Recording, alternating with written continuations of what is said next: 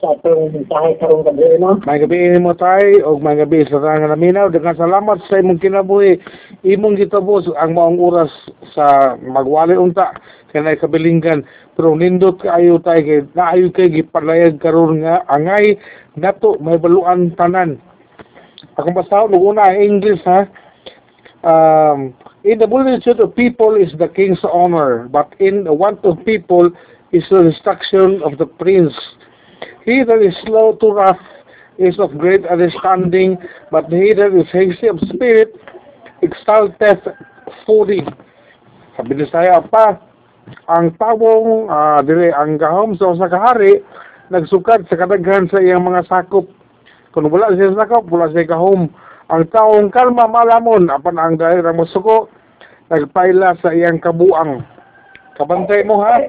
Mubasa mo sa Biblia bantay ang keyword ang gahom sa usa ka hari nagsukad sa kadaghan.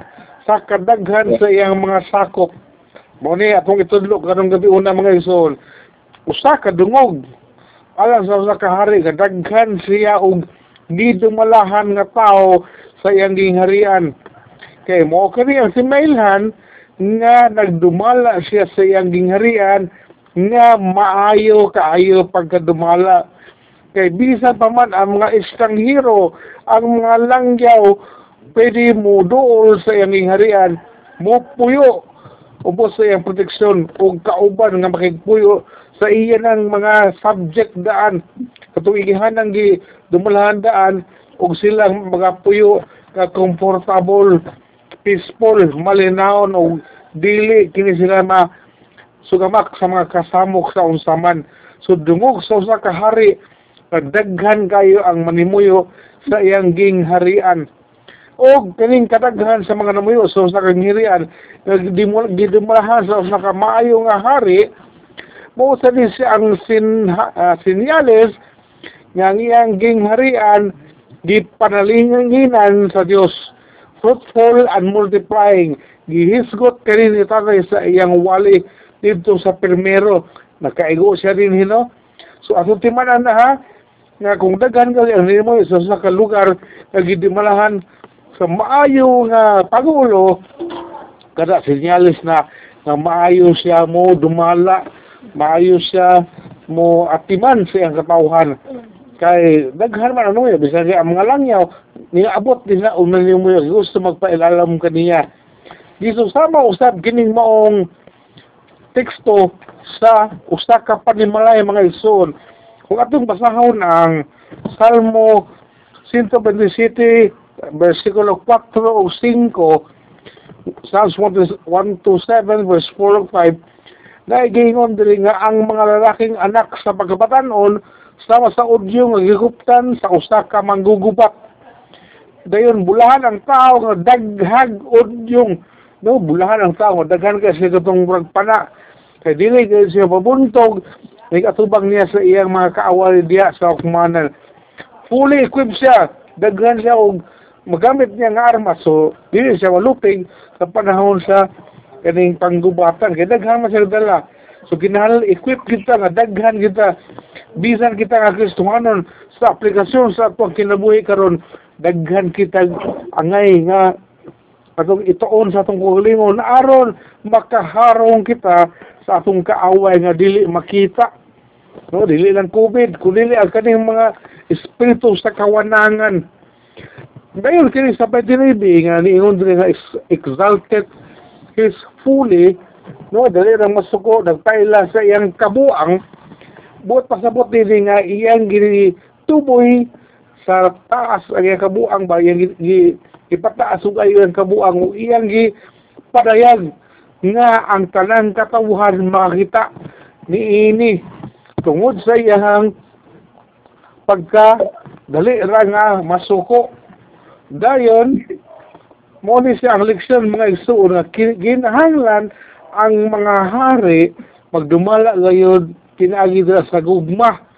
Dili kay ilang lisod lisuron ang ilang mga ginsakupan uh, sobrang sila ka stricto nga dili na makalihok ang ilang mga subject. Kay kung dili i-correct nga sila sa atong buhi nga Diyos. Pinaagi sa usa ka paghukom. Dayon nahitabo na hinuon nga mga wala ang mga tao nga ilang gisakupan. Karon mairog ta dito na ako'y nabasa ni nga kanina sa 2 Samuel 24 13 no dito sa 2 Samuel chapter 24 verse 13 damo kay giingon diri nga kaning si God no? Usama ni siya ka propeta. Uh, busa miadto si God kang David. Si Haring David ni o gihigna niya si David.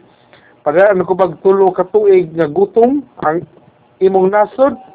Utol kamulan nga magtago-tago kagikan sa imong makaaway o kamatay ba sa tibok nasod sulod sa tulo ka adlaw. Una-una kini bagayo o sultihi ako sa itubag ko sa nagsugo kanako. Si Haring David bago nagduda siya sa mahimo sa Dios nining panahon na o naghimo siya og sensus kay burag gisugo siya sa iyahang urang tanlag ba nga kinahanglan ihapon na pud niya unsa kadaghan kabanday ka ha? Ang keyword nga unsa kadaghan ang iyang gidumalahan so nabutang nga si si Haring David nagpakabuang-buang siyang hugalingon.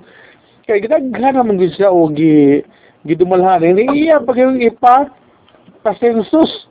Pero niingon naman ang Diyos nga ayaw na. So dire mo na hinungdan nga ipadalaan sa mensahe sa Dios nga Korea ang iyang sayod nga gihimo. O sakit kaayo ang gi sa Ginoo nga judgment niya no tulo ka nga magtago-tago siya. Dayon kaning tibok nasod Higa sing kaway kamatay sa tibok nasod daghang gimamatay ni og sulod sa sa kaning tibok nasod sulod sa tulo ka adlaw. Daghan ang ma, nga wala nini nga mga subject ni Haring David. So sama sa ni sa ang panahon karon mga igsuon.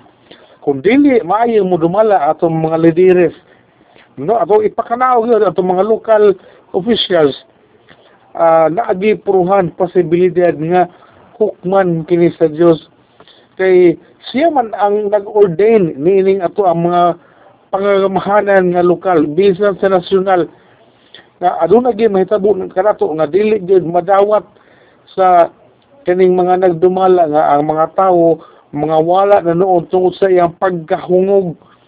So angay ning ato ang mga nagdumala time to time ato na silang pahibaloon sa ilang mga sipyat sa gobyerno.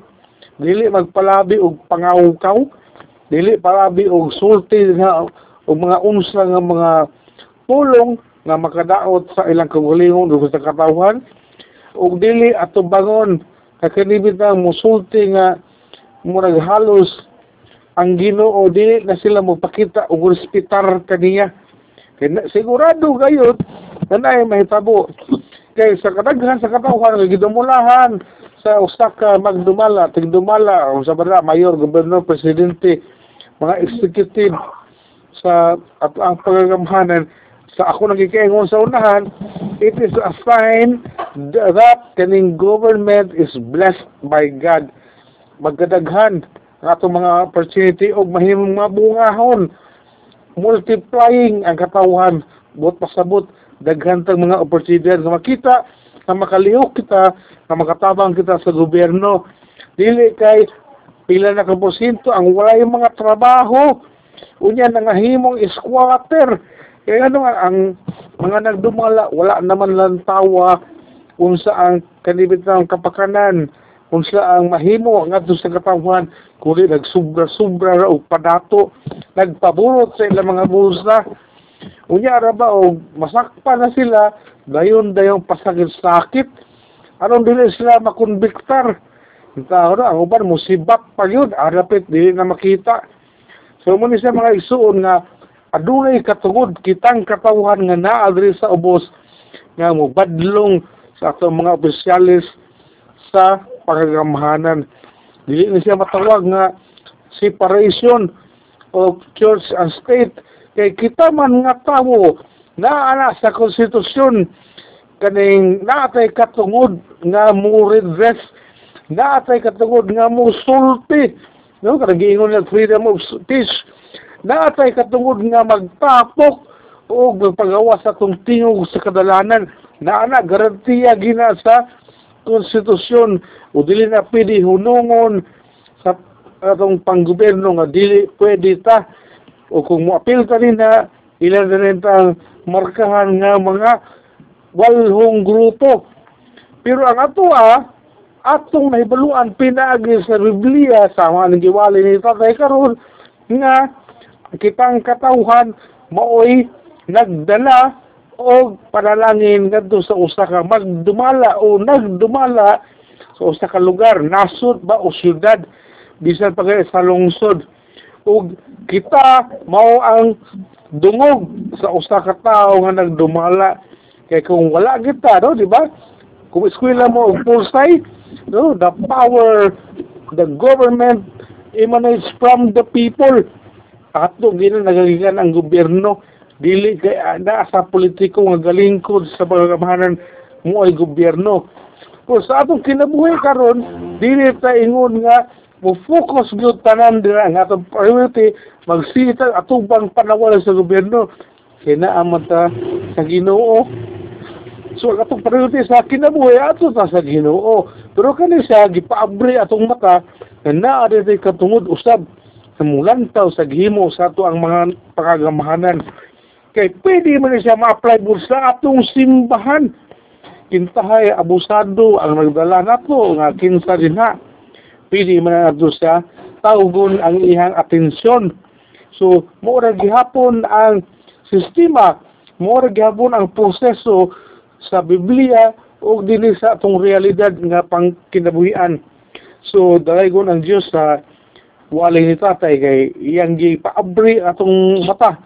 Simple ra kay nino nga kung moingon din ha bitaw nga unsa ni kaning in the multitude of people. Pero kung imong sabtuna kita mong din eh.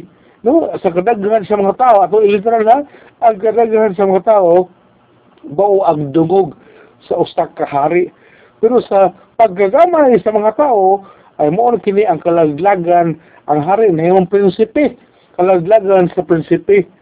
Unya siya, nga hinay sa kasuko, dako siya og panabot, pan siya nga paspas kaayo sa iyang espiritu nga masuko, nagpakita lamang sa iyang pagka-ignorante. So kani siya lesson learned alang ni atong mga nagkupot, nagdala og mga opisina nagdala og mga kaning mga posisyon dira sa gobyerno. Tilaygon ang Diyos ng kagabion, tilaygon ang Diyos sa kinabuhi ni Tatay Ado nga siya nakawali ni ini. So kitang tanan, bago ni no? Bago ni nga natunan na po nga na di ano gipamutang dahil sa Biblia mga igsoon bisan paghali di nga to ang kaning kinabuhi nga kining uh, real life ba tinuod nga pagkinabuhian dili lang sa ingon nga didto ka mo focus dayon sa Biblia. Nga inigwali nimo inigsabot mo nimo galibot-libot ta ka sa Biblia. Na di ay sa ato ang uh, komunidad so dalagon ang Diyos sa mga nakasabot dalagon ang Diyos sa tanan nga naminaw padayon nga padasigon nga ma, mo apil sa atong Bible study matagabi.